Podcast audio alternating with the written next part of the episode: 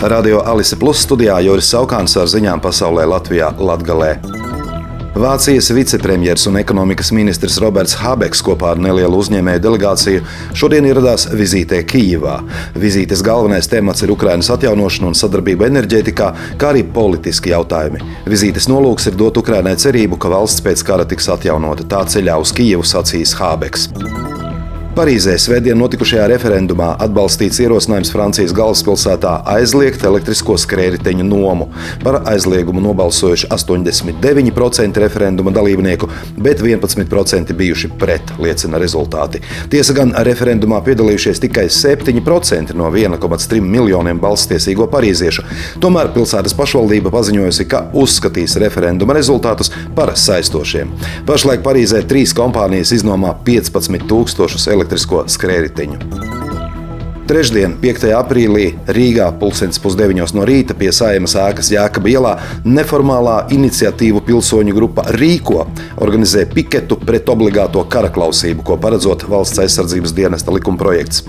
Trešdien parlaments trešajā galīgajā lasījumā plāno skatīt šo likumprojektu. Protestētāji pieprasīs atcelt obligātās karaklausības ieviešanu un padarīt Latviju par valsti, kuru jaunieši paši gribēs aizstāvēt. Pasākums pašvaldībā pieteikts likumā paredzētajā kārtībā, plānots, ka tajā piedalīsies desmit personas. Centrālās laboratorijas veiktās analīzes liecina, ka 89% Latvijas sabiedrības organismā ir nepietiekams D vitamīna daudzums. Aizvadītajos desmit gados centrālajā laboratorijā ir desmitkāršojies D vitamīna noteikšanai veikto analīžu skaits, un tas liecina, ka ārstu un sabiedrības izpratne par regulāru šī izmeklējuma nepieciešamību aug. Daugopilī plūdu dēļ pagaidām neprasīs izsludināt ārkārtas situāciju. Tāda doma šodien izskanēja pašvaldības rīkotajā preses konferencē. Divu diennakšu laikā Daugavā pie Daugopils ūdens līmenis paaugstinājies par 20 cm un sasniedzis atzīmi 7,21 metrus. Saskaņā ar hidrologu prognozēm ūdens līmenis vēl nedaudz paaugstināšoties, taču lieldienās tas sākšot kristies. Pašlaik Daugopilī spēkā ir dzeltenais brīdinājums saistībā ar plūdiem, sasniedzot atzīmi 7,21 1,5 metri būs spēkā oranžais brīdinājums. Augstdaugavas novada Sventes pagastā šorīt no applūdušā teritorijā esošas mājas evakuēti trīs cilvēki.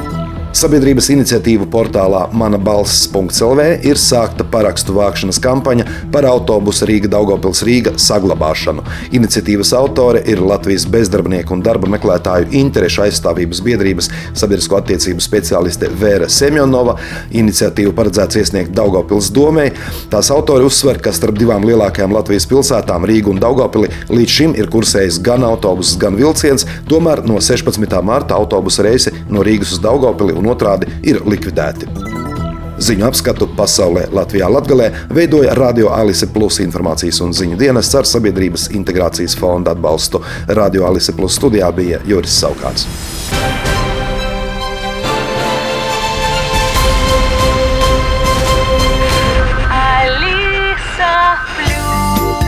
Radio